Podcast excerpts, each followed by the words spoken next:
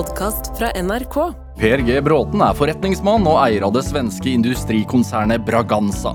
Bråten var som ung mann reiseleder på Mallorca og ble sjef for Saga Solreiser som 28-åring. Reiseliv og turisme ga mersmak, for i dag eier Bråten bl.a. reiseselskapet Ticket, det svenske flyselskapet Bra og barnas favorittdestinasjon Kristiansand dyrepark.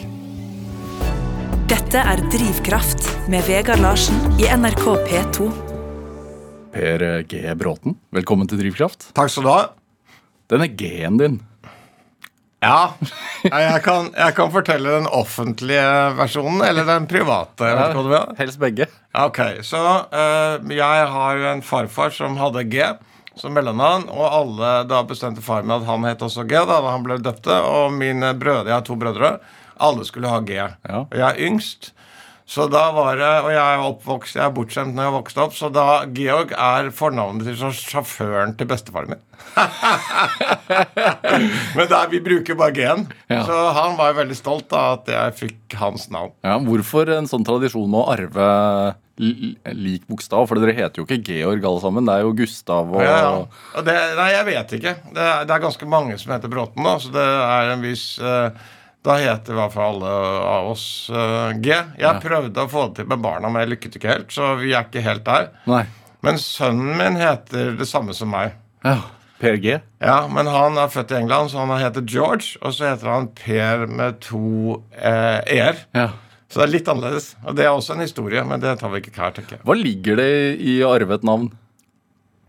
Veldig ja, det er veldig Altså, det ligger eh, Altså, det å vokse opp i noe, et sted hvor folk har, har respekt for et navn, er jo både positivt og negativt, tenker jeg. Eh, men du arver jo Alle arver jo et navn, men de har jo fri til å skifte det hvis du ikke liker det. Ja. Det er det mange som gjør. Hva, hvilke tanker gjør folk seg rundt Bråten-navnet, da? Ja, jeg- jeg- ja. Det er eh, interessant, fordi det er vel nå snart 25 år siden det flyselskapet ble slukt av SAS. Men det er jo fortsatt veldig mange som husker det. Mange har jo fløyet det, Ja, og det, var, har jo hatt stor betydning for eh, reiselivet i Norge. ja. Og det, det er jo sånn at vi trenger jo I land som Norge trenger vi at vi, vi, må, vi må fly. Vi kan ikke ha flyskam på samme måte, for det er for mye fjell. Ja. Så fly og transport er en jævlig viktig del av, av, av landet. Ja. Ble du, fikk du det inn med morsmelka, alt jeg må si, den uh, tanken? Ja, jeg vokste jo opp med det. Ja. Eh, Faren min ble uvenner med far sin og, og startet sitt eget og drev med masse andre greier. Men det er klart, jeg vokste opp med det. Jeg bestemte meg veldig tidlig at jeg skulle ikke jobbe der. i hvert fall. Men fly skulle du drive med. Nei, det, nei, nei, ja, egentlig ikke. Det kom som en slags sånn effekt av noe helt annet. Så jeg, det var ikke Verden er jo ofte sånn at man ikke bestemmer hva man blir. Det, blir til underveis. Ja.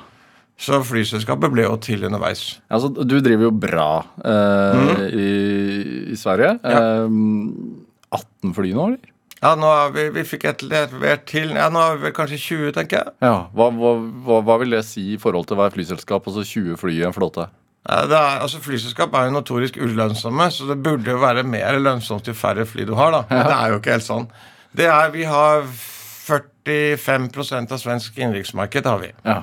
Eh, og det sier jo at svensk innenriks er bitte lite, for der er det så flatt at du kan ha flyskam. ja. Men dere flyr, hva, dere flyr Göteborg-Stockholm, f.eks.? Ja, Som har blitt veldig lite, for da går toget. Ja. Men vi flyr eh, altså alle mulige steder nordmenn ikke har hørt om. Ja. I tillegg til Malmö og de større stedene. Men vi flyr, vi er de som har flest små destinasjoner i Sverige. Vi Ja. flyr små propellfly som er veldig miljøvennlige eh, og eh, effektive på korte strekninger. Og, også- veldig bra. Og Helsinki og Århus. Ja. ja. Og, no, og leier ut til charter. Ja, vi flyr, vi flyr en del på Norge nå, da. Da heter det det som flyr jetfly, da, heter faktisk Bråtens. Eh, vi flyr for, eh, for, um, for eh, mye for Ving og mye for noe som heter Apollo. Ja, litt likt Widerøe, på et vis? Ja, vi er en miks av Videre og gamle Bråten, tenker jeg. Ja. Hva, hvordan Jeg tenker fly. Jeg, jeg har jo fløyet. Ja, det håper jeg. Jeg ser det i lufta hele tiden. Men, men hvordan fungerer fly som businessmodell? Ja, den fungerer jo jævlig dårlig, som det heter.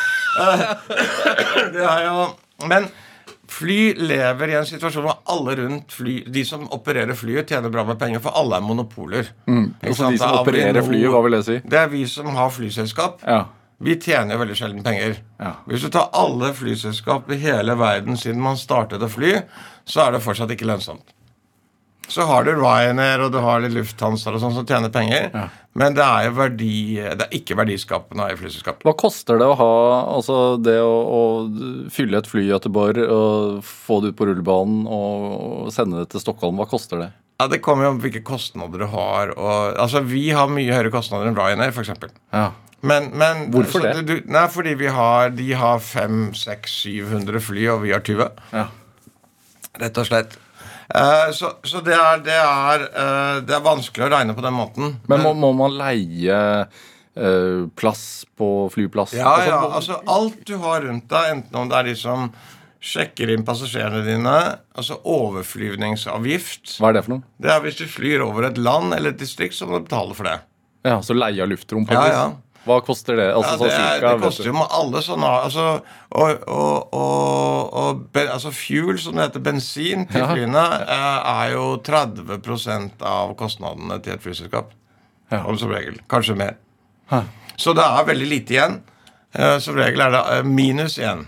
Og Det er jo derfor jeg sliter med min flyskap for andre gang nå. ja. hvorfor, hvorfor gjør du det da? Det, uh, jeg, jeg, jeg har snart ikke møtt noen som mener at jeg burde satse en gang til nå. Så vær ærlig, da. Nei, Og hva tenker du da? Jeg liker jo altså jeg liker jo å lykkes, da. Jeg har lykkes noen ganger i løpet av 23 år, da. Men det er ikke så ofte. Nei. Liker du også da konkurransen i, eh, i det? Altså det at alle, mange, eller nesten alle du møter, sier Nei, dette er dumt, Per. Ja, men også har jeg da eh, Ja, det, jeg syns jo det jeg synes det er litt morsomt, men da er det jo morsomt å lykkes.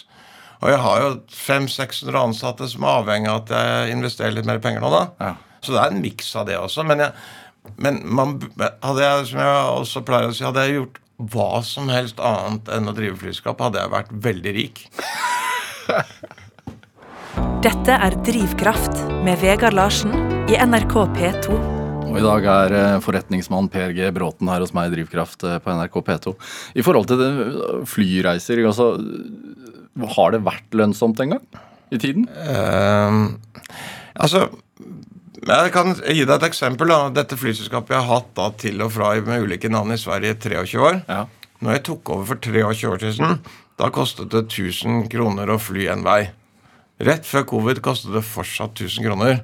Så det er liksom Jeg tror TV og flybilletter har kostet det samme i, siden man startet med det. ja, Men verdien av krona har jo gått opp, da. ja, ja. Det har den, men, men, men, men det sier litt om det. Hadde, da, altså hadde du hatt litt inflasjon, som vi har hatt på 20-23 år, så skulle det koste 8000 kroner å fly innenriks én vei. Ja.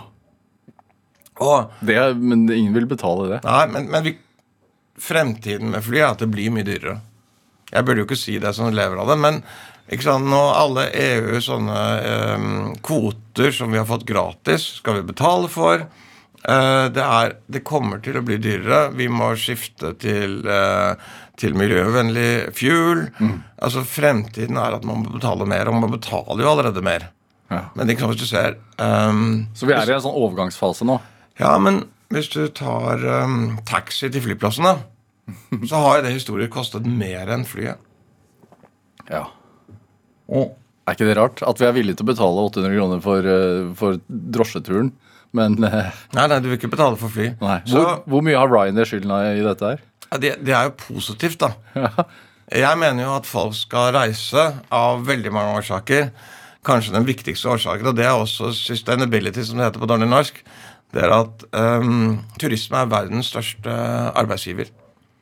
Jeg tror det er, eh, Nå skal ikke jeg bli arrestert på det, men at én av fem i verden jobber i eller rundt turisme. Så hvis vi slutter å fly, så blir de som er fattige, enda fattigere. Har du sett det på nært hold? Ja, jeg har sett det på nært hold ganske nylig. Ehm, Jeg var på Zanzibar, ehm, hvor bare 60% av turismen er kommet tilbake etter covid. Og der var det altså ekstremt fattig nå. Altså. Og da ser du hvor viktig vi som er fra, fra presumptivt rike land, bidrar til å, å, å at folk har et bedre liv. Ja. Så vi må ikke glemme det. Jeg vet at, eh, at vi ikke skal ha um, ha opp temperaturen i verden, men vi må gjøre det på en annen måte. Vi må fly, vi må reise. Ja. Du flyr med biodrivstoff? Ja, jeg prøver. Ja. Er det, du, du sa før vi gikk inn her, så sa du altså, Og jeg vet jo at øh, Per Gulbråten, du er jo uttalt kapitalist. Ja. Um, men du sa også fordelingen i verden er helt forferdelig. Den er helt feil. Ja, jeg, jeg, så dette blir jo litt vanskelig, da, for jeg, jeg, er kapitalist. Så jeg, min suksess måles jo penger, så jo rikere jeg ber, jo mer suksess har jeg. uh, men på den annen side så er jo vi, er vi tilbake til liksom 1600-1700-tallet i verden, hvor, hvor, hvor velstanden var fordelt helt feil. Og, og det gjør jo at vi får mye mer fattigdom. Og folk søker til de landene som er rike. Og da snakker jeg, og, og det, det burde fordeles annerledes hele veien. Um, en annen ting er at i Amerika er middelklassen nesten borte.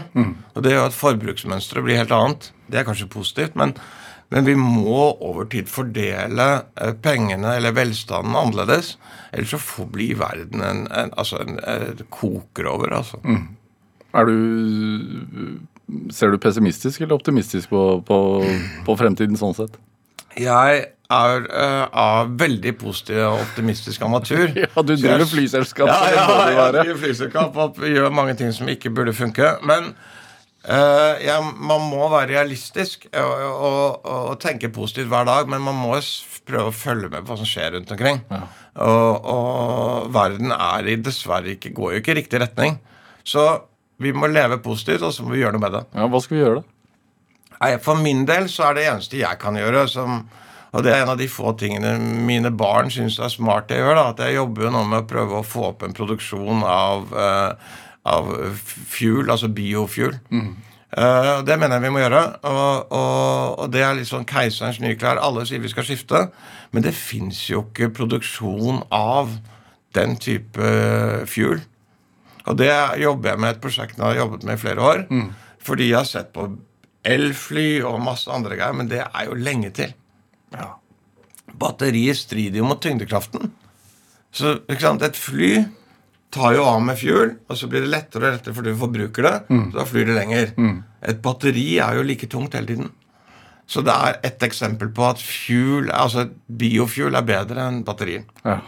Og da har jeg tenkt å prøve å gjøre min del eh, eh, for å forbedre verden, er å prøve å få til det. Hvordan, gjør du, hva, hvordan starter du da, da? For å Ja, jeg holdt på, jeg, jeg, Det er en lang prosess. Jeg, vi har, jeg, jeg jobber med en annen kar, og han sier at vi er enige om at vi jobber med dette til noen sier det er en dårlig idé. Og fortsatt er det fortsatt ingen som har sagt det. Nei.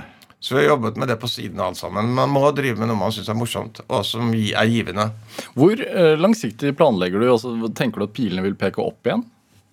Uh, ja, det er jo Jeg tror og det, Altså, jeg tror at vi Jeg tror at ting ordner seg nå i løpet av et par-tre år. Jeg tror det blir bedre, men vi kommer til å leve i en verden som er utfordrende, men mulig å leve i.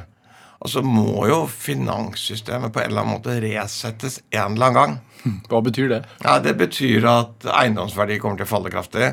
Det betyr mange dumme ting. Men jeg tror ikke det kommer nå. Nei. Men på et eller annet tidspunkt Vi kan jo ikke leve i en verden hvor alle trykker penger hele tiden. Hva, hvordan går dette her opp i Er du ikke kapitalist? nei, det går ikke. Det er derfor vi må glemme det og snakke om annet. Vi må, det er jul, så vi snakker om det hyggelige. Hva vil det si å være kapitalist, egentlig? Det er som jeg sa i sted, det er at eh, suksess måles i penger. Eh, det er jo egentlig det per definisjon. Men det betyr også at, at jeg har tjent mine egne penger og satset det hele tiden. Da skaper du arbeidsplasser. Du skaper uh, mange bra ting. Det er jo sånn at, at de pengene man, man sitter jo ikke, er jo ikke onkel Skrua sitter på en sekk med penger. Det gjør ikke jeg, i hvert fall. Hver gang jeg tjener noe, så bruker jeg det på å investere noe nytt. Og hvis jeg har litt lite å gjøre på jobben, så kjøper jeg et hus. Ja, Det er jo, det mener jo de på jobben er veldig dumt, da, fordi pengene blir jo, det blir bare vedlikeholdskostnader. Ja. Så da prøver de å holde meg busy, da. Hvor mange hus er det blitt? Nei, det vil jeg ikke snakke om. Du må passe på. Pass på. Kona di sier sånn nå har du kjeda deg igjen, Per. Ja, ja. Jeg, ja, nå har jeg ikke kjedet meg, men jeg har, jeg har et hus på gang nå. Men det er jo Men, Men ja, det tar tid. Ja. Men er det eh, Hva ligger gleden Altså, ligger gleden i å altså, Hvis man måler penger måler suksess i penger, ligger da gleden i at man ser at det vokser? Ja. Eller ligger det i gleden i at man har råd til å investere? At, nei, jeg, jeg, altså, jeg er veldig glad i mennesker. Så jeg, det som gleder meg mest, er at folk er happy på jobben Ja. og leverer resultater. Jeg, jeg elsker å delegere, for da får jeg mindre å gjøre. Så jeg, jeg, er, jeg er flink til å jeg tror jeg er flink til å utvikle mennesker. Ja. Eh, og Hvordan gjør man det, da? Man gir de ansvar og lar de feile litt. Grann. Mhm. Ikke for mye, for da får de sparken. Men hvis de feiler litt, så er det greit. Nei, men det er en balanse, det, da. Ja. Så, øh, og det er morsomt å se mennesker vokse. ja. Og ta risker på noen mennesker du mener er, er, er bra, og se de gro og Har- vokse. Har noen eh, tatt risk på deg noen gang? Ja. Ja, sikkert altfor tidlig. Ja, hvem? Eh, Janne Karlsson. Ja. Hvordan da? Eh, eh, ja, dette, jeg var sjef for en turoperatør som gikk veldig dårlig. Som het? Saga Solreiser. Ja, Som de fleste har hørt om, da. Ja, Ja. Som var da eid av familien. Og det første jeg sa til far min, var at det må vi selge, for det kommer vi aldri til å fikse. Eh, og da var, hadde jeg en god story på det. Eh, og vi fikk møte med Janne Karlsson, og jeg Hvem er Janne Karlsson?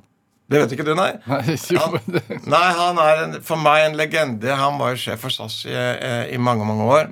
Og skapte da business class og gjorde veldig mange ting.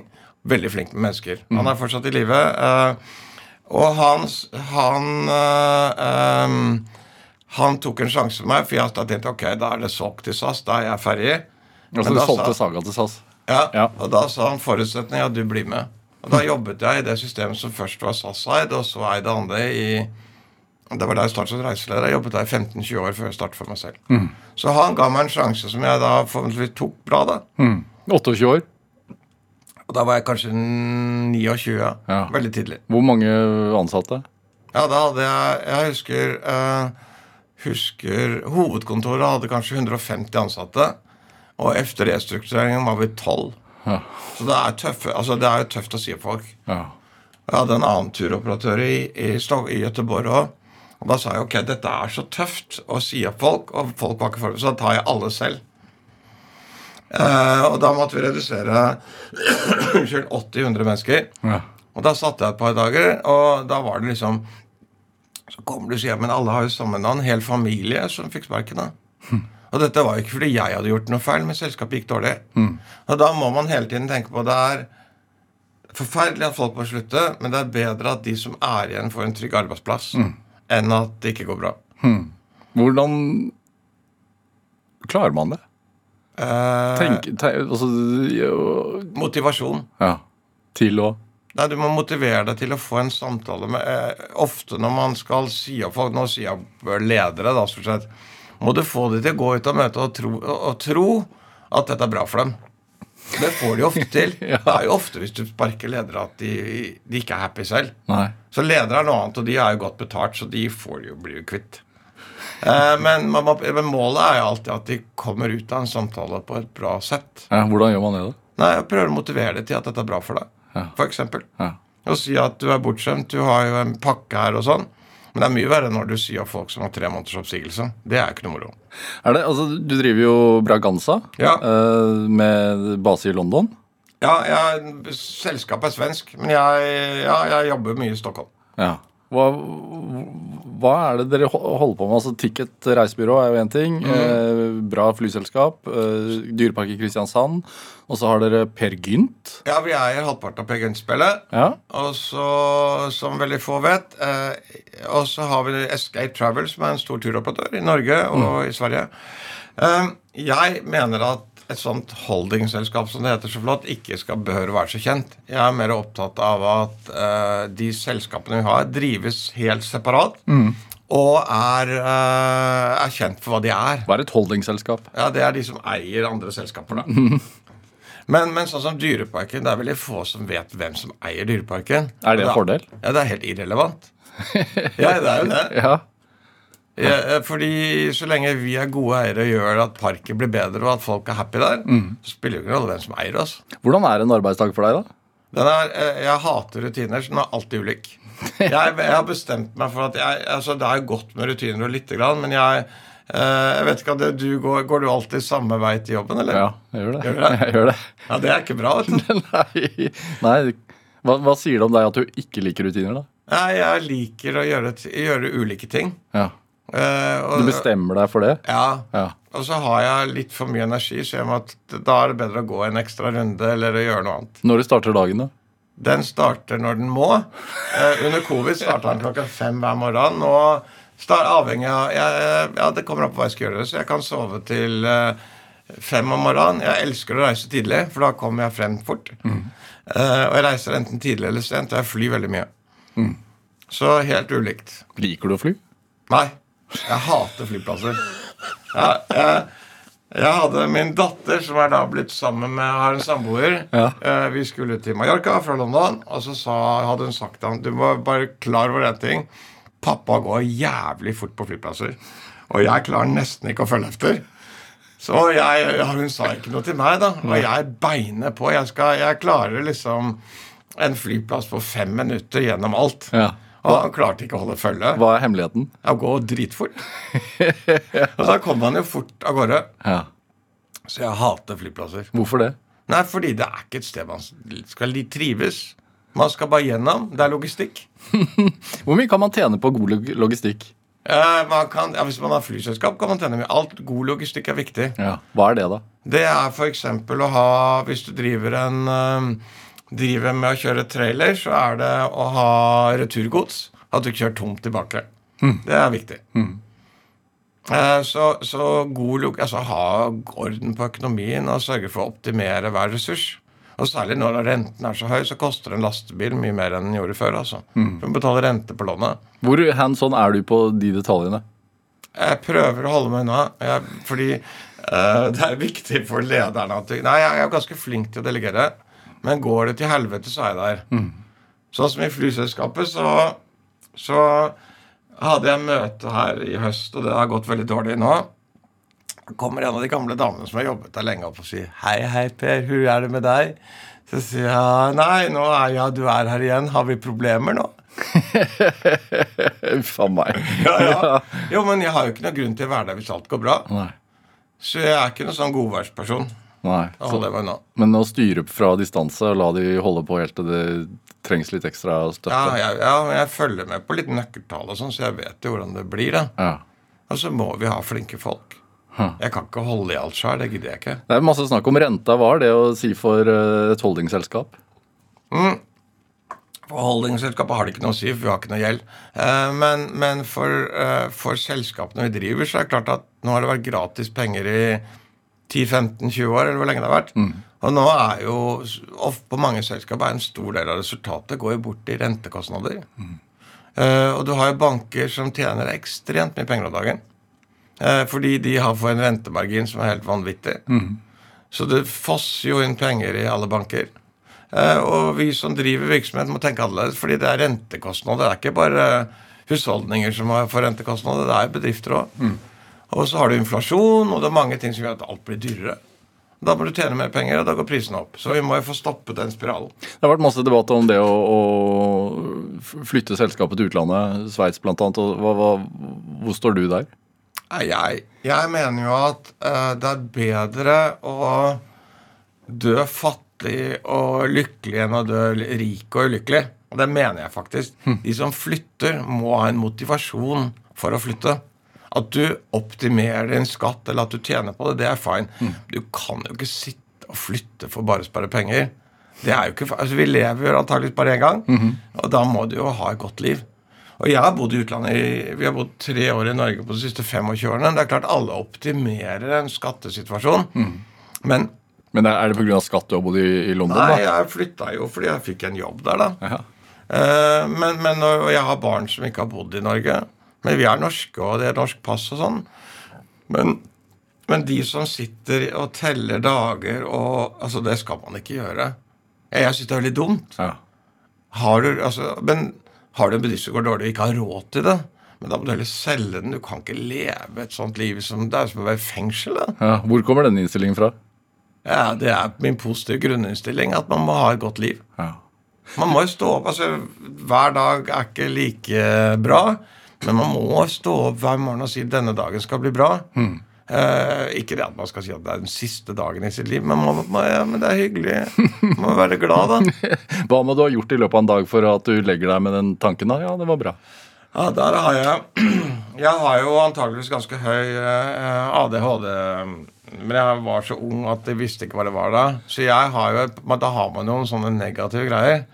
Så jeg, akkurat i går så var, Jeg klarer jo ikke å ha noe i innboksen min, i, i mailen. Nei. Så jeg må jo ha under 20 e-mail i innboksen, ellers får jeg ikke sove. Og det er jo også eh, min kone, da. Hun da er det enkel oppskrift på å legge seg lykkelig. ja, ja. Og så er min kone skjønte jo ikke at hver gang jeg kom hjem Jeg kommer ofte hjem fra jobb. Da må jeg alltid pakke ut. og det skjønte hun, sa hun til Per. Nå skjønner jeg. Jeg stresser jo med at vi skal spise og vi har gjester, eller hva det er. Men jeg, nå har jeg skjønt at hvis ikke du får pakket ut Det er jo ikke mye det tar for Da er, da er du ikke i vater. Så, da, så nå får jeg pakket hver gang jeg kommer hjem. Ja, Små ting, altså. Ja. Per G. Bråten, vi skal spille litt musikk. Um, du har med en um, Natalia Cole-låt, 'Miss You Like Crazy'. Hva, hva er historien bak den? Eh, Det var godt, da snakket jeg med Ellen. Eh, jo, eh, jeg var nyskilt og eh, var mye på byen. Eh, og da hadde jeg truffet en, en jente for mange år siden uten å ha noen relasjon til henne. Og jeg ble sammen med henne. Um, og så gikk hun tilbake til sin gamle kjæreste. Uh, og da tenkte jeg å være smart denne gangen. Da, da, denne sangen her spilte vi da når vi var sammen en måned. Så jeg sendte den kassetten, var det da? Det er så lenge siden. eh, og, en, en, og røde roser. Og maste ikke noe mer. Nei. Hun har jeg nå vært sammen med og har tre barn sammen med. Ja. Så det er det som er historien bak den. Det er om å gjøre å være smart i, eh, med, med damer. ja. Hva, hva er et bra ekteskap, da? Hva? Hva, hva, gjør, hva gjør et ekteskap uh, vellykka? At man er et bra team. Ja.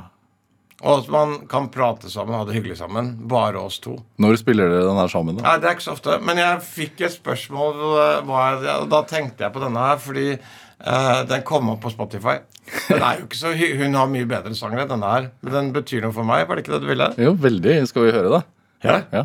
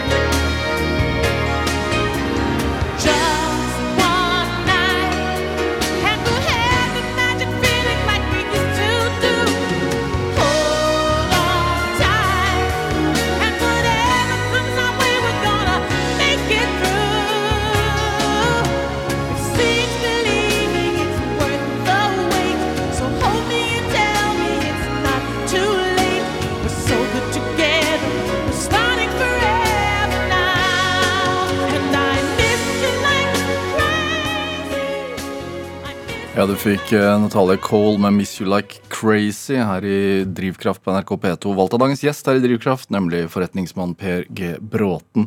Altså, jeg øh, fløy første gang da jeg var 14 år. Uh, når var første gang du forsto at det var noe som var, het fly? Jo, det er Jeg var veldig Jeg var seks-syv år, og da skulle vi fly for første gang til Gran Canaria. Ja. Og det var jo ikke så kjent da.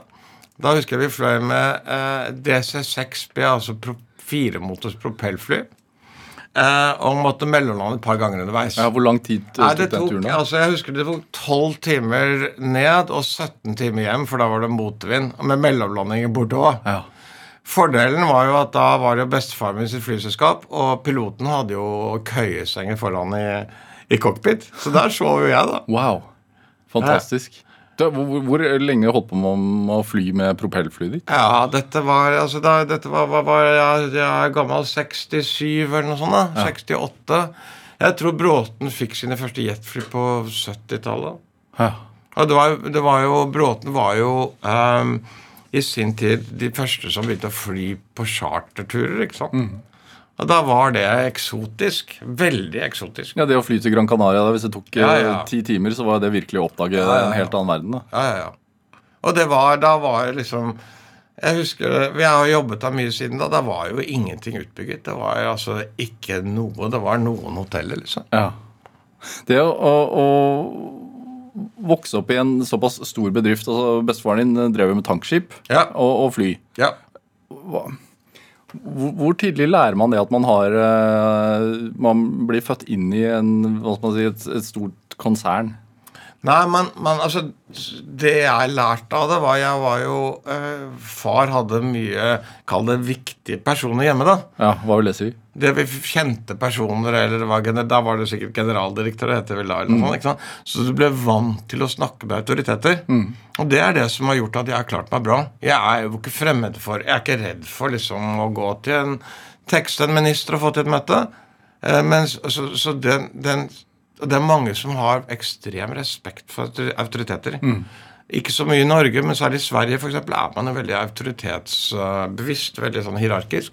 Altså, det er annerledes å drive business i Sverige enn i Norge? Ja, Vi er jo, altså, det er det jeg prøver å forklare utlendinger, at nordmenn, svensker og dansker er ganske ulike. Ja. Og For ikke snakke om finner. Ja, på hvilken måte? Altså, øh, det, altså det er veldig enkelt. I, har du, det, I svensk er det noe som heter lagom. Ja. Det ordet fins ikke på norsk. I Norge er det jo jævlig bra, unnskyld uttrykket, eller jævlig dårlig. Det er jo ikke noe som er passe. Og dansker sitter og teller pengene sine og henger fast med Europa og har en helt annen kultur. De er jo liksom Det er penger, penger, penger. Så derfor mener jeg at det er viktig å kombinere de tre. Jeg mener at verdens beste land burde vært Norge og Sverige sammen. Tenk deg det. Ett byråkrati, ett konge, en kongefamilie. Og det henger jo Altså Hvem skulle styrt da? Nei, det er ikke så viktig. Ja, en, et, et parlament da, eller en, et storting, ja, det, da er det demokratisk. Ja. Altså, Jeg har stor respekt for kongefamilien, eh, men det er jo ikke de som bestemmer. Nei, Bra for innenriksreiser, si, hvis de vil av samme land. Ja, ja, ja. ja. ja det har jeg ikke tenkt på. Det hadde vært bra for meg, ja. Hva sy- syns du om adel, da? Ja, Adelen er eh, Den har vi jo ikke i Norge, men den fins jo ganske mye i Sverige og, og Danmark, ikke minst England. Den har jo ikke samme glans som den hadde. Man må, jeg, jeg mener jo at man får respekt for mennesker ut fra hva de gjør. Og det har ikke noe med penger å gjøre heller. Men Jeg har sett bilder fra, fra stua til bestefaren din. eh, og da ser jeg på skatteholdet der, så er det ja, 20 flagg fra alle verdens nasjoner. Og eh, eh, et, eh, ja, antakeligvis en replika. da, Christian Krohgs maleri 'Leif Eriksson oppdager Amerika'. altså Det er en sånn oppdagelses... Tydelig at han var opptatt av det å oppdage da, og reise ut.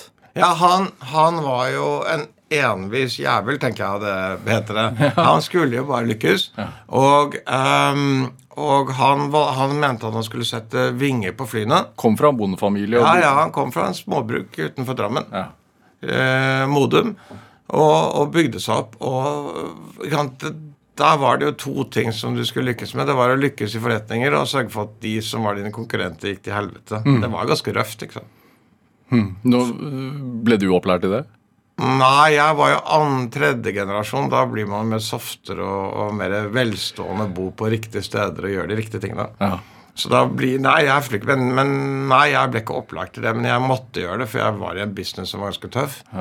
Så jeg har alltid vært det. Men jeg er alltid fair. Men jeg liker jo å slå konkurrenten min.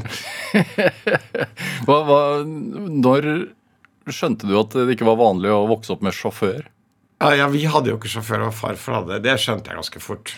Ja. Ja, det blir man jo eh, Man blir jo Man forstår jo det.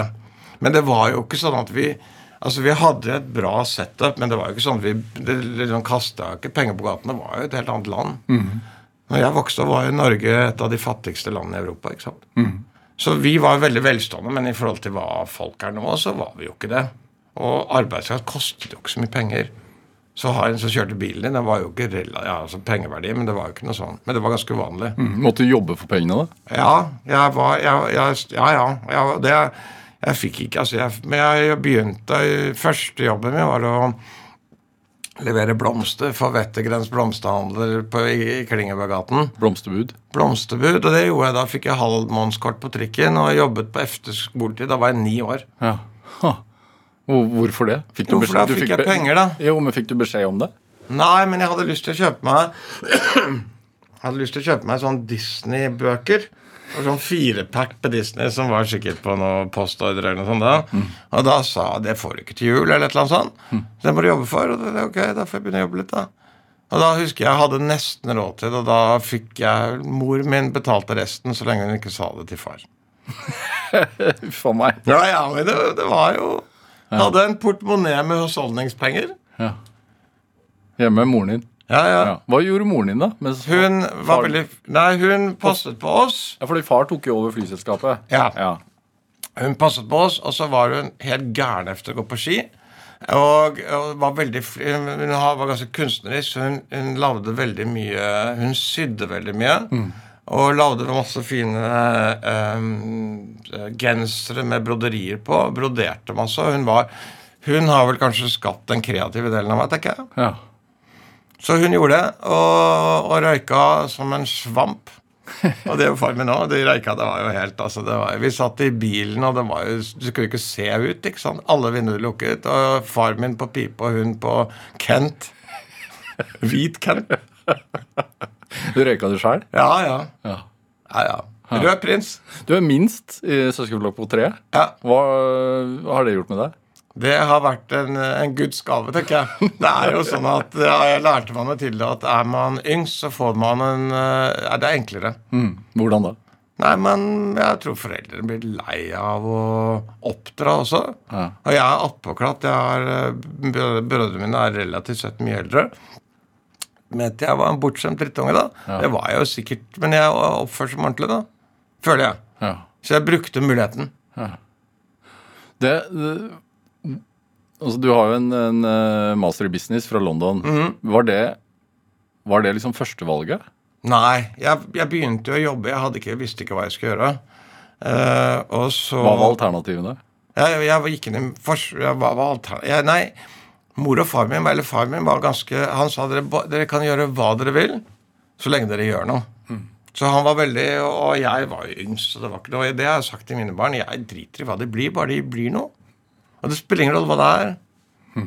Og jeg forventer ikke at noen skal ta over efter liksom meg. Det er ikke sikkert det er noe å ta over. Jeg er glad hvis det er noe å ta over. Ja, hva tenker du om arv, da? Arv tenker jeg at man skal Ja, man skal i hvert fall klare å levere til barna det man hadde med, med renter, tenker jeg. Men, men ja, det, jeg, det der er et vanskelig spørsmål. Eh, men, men skal vi fordele er, det er sikkert sånn med bannekjerka, men skal vi fordele eh, Verden skal omfordeles, så må du begynne med arveavgift. Ja. Jo, jo. Skal ikke dere på sånn familiejuleselskap sammen? Jo, vi skal på tur sammen, så jeg, de hører sikkert ikke på dette. Men, Men, jeg skal få de til å høre på det for øvrig. men du var reiseguide? Ja, jeg, jeg begynte som da tursjef i Rørhusens hovedstyre. Det var sånn Jeg var ganske sjenert når jeg var ung, eller liten. Og jeg rødmet hele tiden. Det gjør jeg fortsatt av og til hvis jeg sier noe dumt, som jeg ofte gjør. Eh, Eh, og da eh, klarte jeg å mane meg opp til å bli tursjef i det som het Rødrussens hovedstyre. Som var da, eh, Og da var det russetid efter 17. mai. Vi, Var det det da for alle rødruss ja, for Oslo og Akershus vi var 5000-6000 russ. Og jeg har aldri gjort noe i mitt liv som jeg har vokst så mye på som å være tursjef. Og, og da, det var, da hadde jeg selvfølgelig sikkert en fordel å bli valgt, for da var jo Bråten stort og flott og sånn, så jeg fikk jo sikkert en free ride som jeg brukte sikkert han kan tur. Ja, for du hadde valgkamp og var på skoler og måtte velge sine og sånn. Oh, ja. Ja, ja. Hva sa du da? Var argumentasjonen? Jo, det husker Nei, det husker jeg. Det er, jeg glemmer jo alt som jeg Dere dro til Ibiza, så det kanskje ja, var ja. det? Og så var jeg eh, Fløy dere Bråtens? Nei. Så skulle vi, vi, vi leide danskebåten en gang. Det tok jo helt av. Da fikk jeg beskjed av forrige ruster at du må sette av 30 til hærverk om bord. Det gjorde jeg jo. Og det holdt så vidt. Eh, og så dro vi altså fire jeg tror det var 400-500 russ til Ibiza med Klubb 33, som var Ving, og Spis, som da fantes.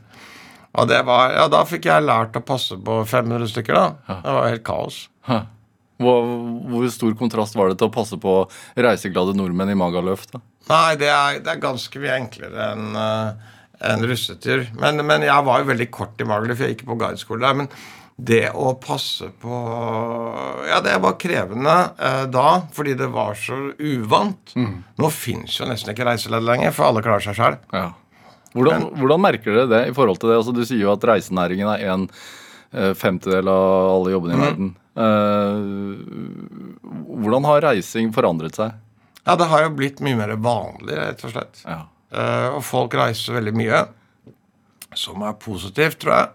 Eh, eh, jeg tror at eh, det å reise langt er det som bidrar til arbeidsplasser. Men også altså, langt, da mener jeg til veldig fattige land. Men hvis du ser Spania, er jo helt, fortsatt helt avhengig av turisme. Italia, Frankrike er jo verdens største turistland. Hvis det ikke kommer turister til Paris, så går jo i hvert fall Frankrike konk. De er jo i fra konk allerede, men eh, altså, det er jo en viktig del av verdensøkonomien. Og så er det, er det uh, ofte første arbeidsplass Jeg stifter meg en Scandic Hotels. Uh, som, og vi har 270 hoteller rundt om i, i, i Norden. Og da er jo første generasjon, de som kommer utenifra, kommer til oss som første eh, jobb de har i et, et vestlig land. Så vi bidrar jo masse til integrering. Og vi har, ikke, altså, vi har nesten hele verdens land i vår, blant våre 18 000 Vi har sikkert 18 000 ansatte. Så vi, vi er en inkluderingsbedrift, sånn sett, altså. Viktig. Men er det eh, Har det noe med lønningen å gjøre òg? Selvfølgelig. Ja. Det er uh, de som rydder rommene og men, men, men hvis du oppfører deg og gjør en god jobb, så kommer du fort oppover. Ja. Men har du, tenker du på det altså, som Du har drevet med, med reise som business, at det hever levestandarden til de destinasjonene? Ja, jeg gjør det. Uh, Jeg tenker på det. Jeg var, vi har jo gjennom, det Gjennom Dyreparken har vi støttet Masai Mara i nesten 20 år, altså i Tanzania. Unnskyld. Og det er veldig lite penger som skal til. Nå har vi holdt på i mange år, så det har blitt mye penger, da, men det er veldig lite penger som skal til for å hjelpe veldig mange. Og det tenker jeg på. Så hvis du reiser til Hvis du ser på hvor mange som jobber på et hotell på Sri Lanka eller Kenya ikke sant? Du skaper jo masse for få med veldig lite penger ved reise. Hvor ofte er du og sjekker destinasjoner selv, da? Nei, jeg, når, før når jeg var, hadde egen turoperasjon sånn sett, så, altså med store volum, var jeg mye ute å reise. Jeg gjør ikke så mye av det nå. Nei. Og jeg, det er kanskje ikke det som jeg er best på heller, for jeg liker jo egentlig ikke å reise. Hva er det vi nordmenn vil ha? Ja, vi, vi altså Hvor nordmenn behøver jo varme. Ja, det er jo, Nå var det litt sol i dag når jeg kom forbi her, men det er jo det er jo et land som behøver, Folk nordmenn behøver jo også for sin egen ve og vel behøver litt, Er det ikke E-vitaminer man får nå med sol? Jo. Så det blir mindre demens. Det er bevist. Ja. Så, så, så vi behøver varme, og så behøver vi ha det litt hyggelig. Vi kan ha det hvor som helst. Og så er det fantastisk å se hvordan Norge blir et bra turistland. Det kommer til å komme masse turister til Norge over tid. For vi er et fantastisk land å besøke. Og, med, og du kan si hva du vil om klimaforandringer, men det er bra for norsk turisme, innen, innenlandsk turisme. Hva, hva bør man uh, legge til rette for da? For at det Ja, Vi må bli være flinke til å, å ha nok volumer til å ta imot turister. Ha, har vi det i dag, da? Ja, jeg syns vi har vært mye Altså, jeg syns Sverige har vært veldig lite flinke, og Norge har vært veldig flinke til å, å skape forutsetninger for turisme. Tromsø begynner å bli bra. Jeg syns Norge har vært flinke der. Jeg vet du blant annet har vært med å støtte Sjømannskirken. Ja. Eh, er de i Magaluf, eller er de på Ja, den er i Palmanova da. Den var i Magaluf. Men det er en, eh, det er en helt annen bakgrunn, egentlig. Ja. Eh, Men jeg syns det er morsomt å gjøre sånne mikroprosjekter. Og dette her var jo Altså, jeg var jo meningsrådet der nede for altså Sjømannskirken. Og det er viktig at en sånn øy som har mye turister, har Sjømannskirken. Ikke for søndagsmessen, liksom, men de hjelper jo veldig mye som blir syke og skadet og kommer i fengsel. Så Sjømannskirken har jeg alltid hatt stor respekt for. Så vi skulle finne et eh, sted for Sjømannskirken, da. Men det er jo ikke så lett å leie en kirke, da. Eh, og så endte det med at eh, Det var mange, ja, men så endte det med at vi, vi kjøpte en gammel fiskebutikk og et hus. Og, ble, og det ble, den, den var litt sånn kirkeaktig, selve bygget også. Og det er det eneste måten å få det til på, å kjøpe det og bygge det om til kirke. Eh, eh, og, eh, og derfor tror jeg også jeg kommer til himmelen. For jeg eier en kirke. Tror du ikke det? Ja, du har kjøpt deg billett, si. Ja, det, er en litt trist historie, da, men han som bygget om, sa at her får du ingen margin, men jeg er helt sikker på at du kommer til himmelen hvis du gjør det billig. Og han døde av kreft så han kom nok til himmelen. Ja. Hadde han ikke gjort det. Men, men, men det er viktig, sånne ting er viktig. Du, da er det samling i bånd, alle må bidra. Hvor- når du driver såpass stort som du gjør, hvorfor, er det derfor du liker mikroprosjekter? Ja, hvilke flere har du? Ja, det er alle disse husene jeg bygger, da. Ja. Ja, du ser, altså, hvis du er sånn der papirflytter som jeg er, da er det jo ikke alltid du ser resultatene av hva du gjør. Men når du bygger noe, eller rydder inn noe, eller noe sånt, da ser du jo det. For jeg bygger sjæl murer. Sånn som på denne hytta har jeg drevet og bygget murer og gjort sånn. Til ryggen går til helvete. Men det, eh, det er jo fordi jeg elsker Jeg syns det er morsomt å bygge noe. Og det får vi jo ikke gjort på et kontor. Hvor er hjemme for deg, da? Hjemme er veldig mye Mallorca. Vi har bodd eh, Vi har hatt hus i 23 år. Men, men hjemme er jo et eh, Det er der vi er der og da. Jeg er jo relativt nomadeaktig. Og, jeg er igjen ikke rutinemenneske. Hva får man ut av det, da? Man lærer mye, man gjør mye. Man gjør kanskje for mye. Men, men, men det er en annen måte å leve på, tenker jeg. Ja. Det med å bygge noe også dyre, da, da du og Braganza tok over Dyreparken i Kristiansand, så hadde jo du vært i styret der en, Ja, Det var ikke Braganza som tok over. det var, Da var fantes vel egentlig nesten ikke Braganza. Nei. Men uh, da var jeg valgt inn for staten i styret i Dyreparken. Ja. Jeg har aldri vært der og akkurat fått barn, så jeg tenkte det var en morsom greie. Da var det børsnotert.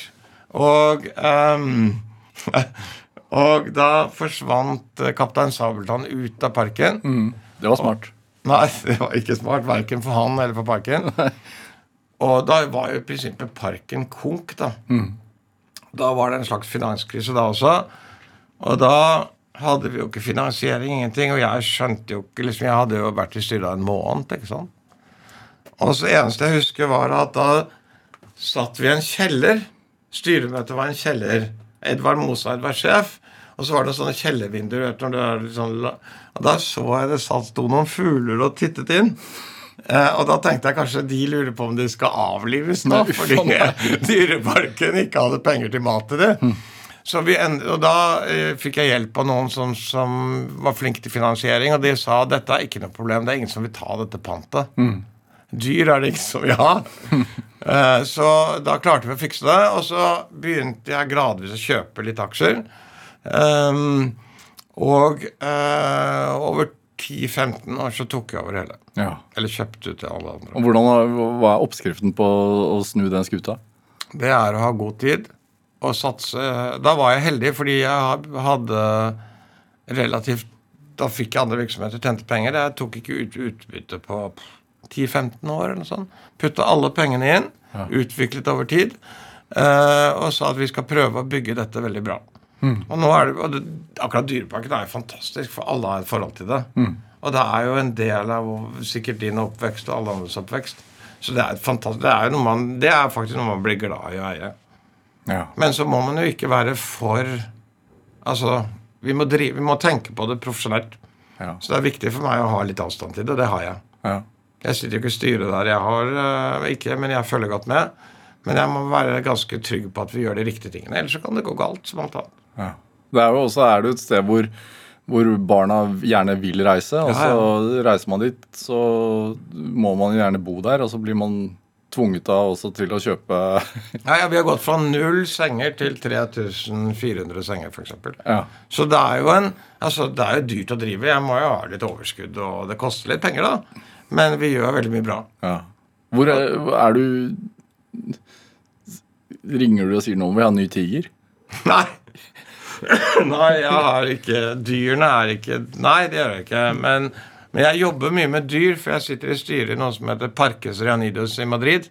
Hva het det, sa du? Parques Reanidos, Forenede dyreparker og amusement parks. Det er 60 amusement parks i Nord-Amerika og i Europa. Som du også er involvert i? eller? Ja, jeg sitter i styret der. ja.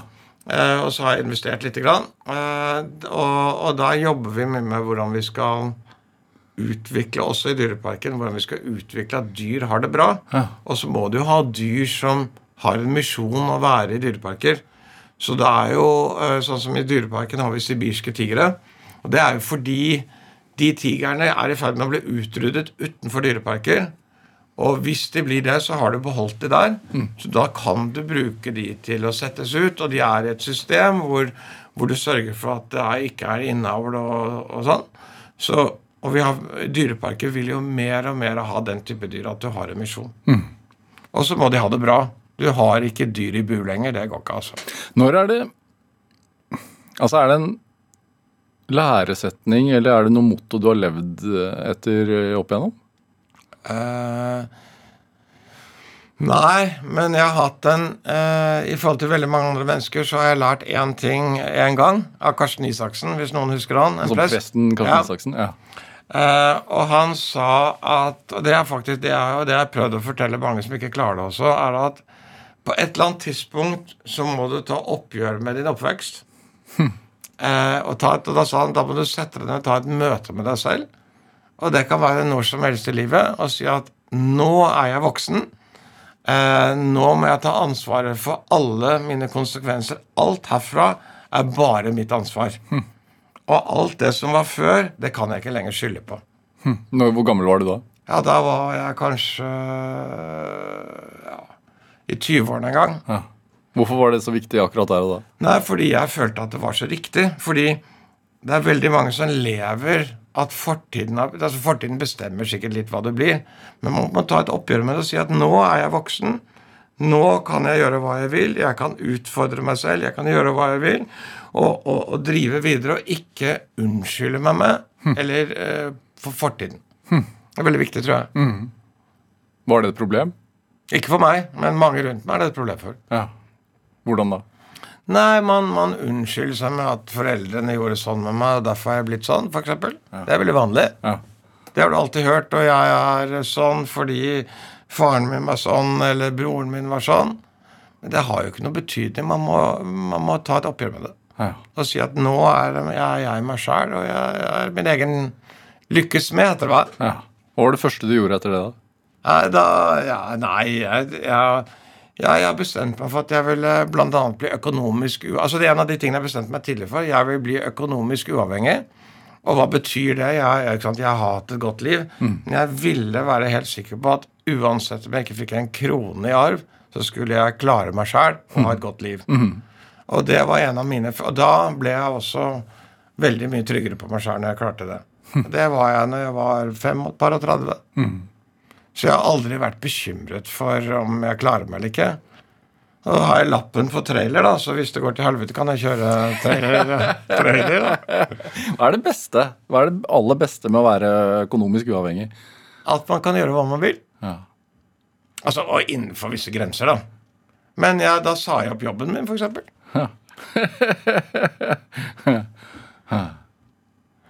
Men er du, du sløser jo ikke. Nei, altså, nei, men man har et godt liv. Men jeg har, jeg har en sånn egen greie at hvis jeg lykkes med noe, så kjøper jeg noe. Ja, Som en premie? Ja, og det kan være alt fra en, en kopp til en ny bil. Ja, Når var sist, da? Ehm, ja, nå har jeg hatt det ganske dårlig i fem år med covid og sånn, så nå har jeg ikke fått noe mye med premier. Nå har det blitt sånne små greier. Men når vi er tilbake med alt etter covid, så skal jeg Da, da blir det å pusse opp denne huset, tenker jeg. Ja, Som en premie? Ja, ja. Bestemmer du alt da, eller? Nei, men jeg har flinke folk. Nei, jeg har Vi, vi sammen bestemmer, Ellen og jeg. Men jeg er byggesjef, da. PG Bråten, hva, hva er drivkraften din om dagen? Det er å ha det gøy, egentlig. Forsøke å ha det gøy hver dag. Og kunne glede seg, over, glede seg over å ha det gøy. Og så er det en ting jeg merker. Jeg begynner å bli gammel. eh, og da vil jeg omgi meg med folk som gir meg energi, og ikke tar energi. Og det er kanskje også en viktig lærdom. Det er jo noen mennesker som er snille og vennlige, men liksom, de tar, stjeler jo energien din. Det vil jeg ikke. Jeg vil omgi meg med mennesker sånn som min kone, som gir meg energi. Ellen gir meg energi, og jeg håper jeg gir henne også energi. Selv om jeg er vanskelig av og til. Men, eh, men man må omgi seg med hyggelige mennesker. Er Per, per G. Bråten, tusen takk for at du kom til Drivkraft, og god jul eh, når den tid kommer. I like måte. Hør flere samtaler i Drivkraft på nrk.no eller i appen NRK Radio. Send oss ris eller ros, og også tips til mennesker som du mener har drivkraft. Send en e-posten til drivkraft.krøllalfa.nrk.no. Vi hører veldig gjerne fra deg. Produsent i dag det var Kjartan Aarsand, mens Melody Holst Talebi bidro med research til denne sendingen. Men dette, dette var Drivkraft. Jeg heter Vega Larsen. Vi høres. Du har hørt en podkast fra NRK. Hør alle episodene kun i appen NRK Radio.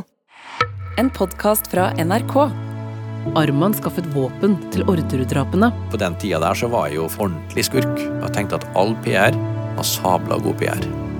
Familien på fire dro på ferie. Bare to kom hjem. Jeg kikka først til høyre, og så kikka jeg til venstre. Og da så jeg bakhodet til Kim og toget. Du husker ikke dager, men øyeblikk. Hør Øyeblikket sesong to i appen NRK Radio.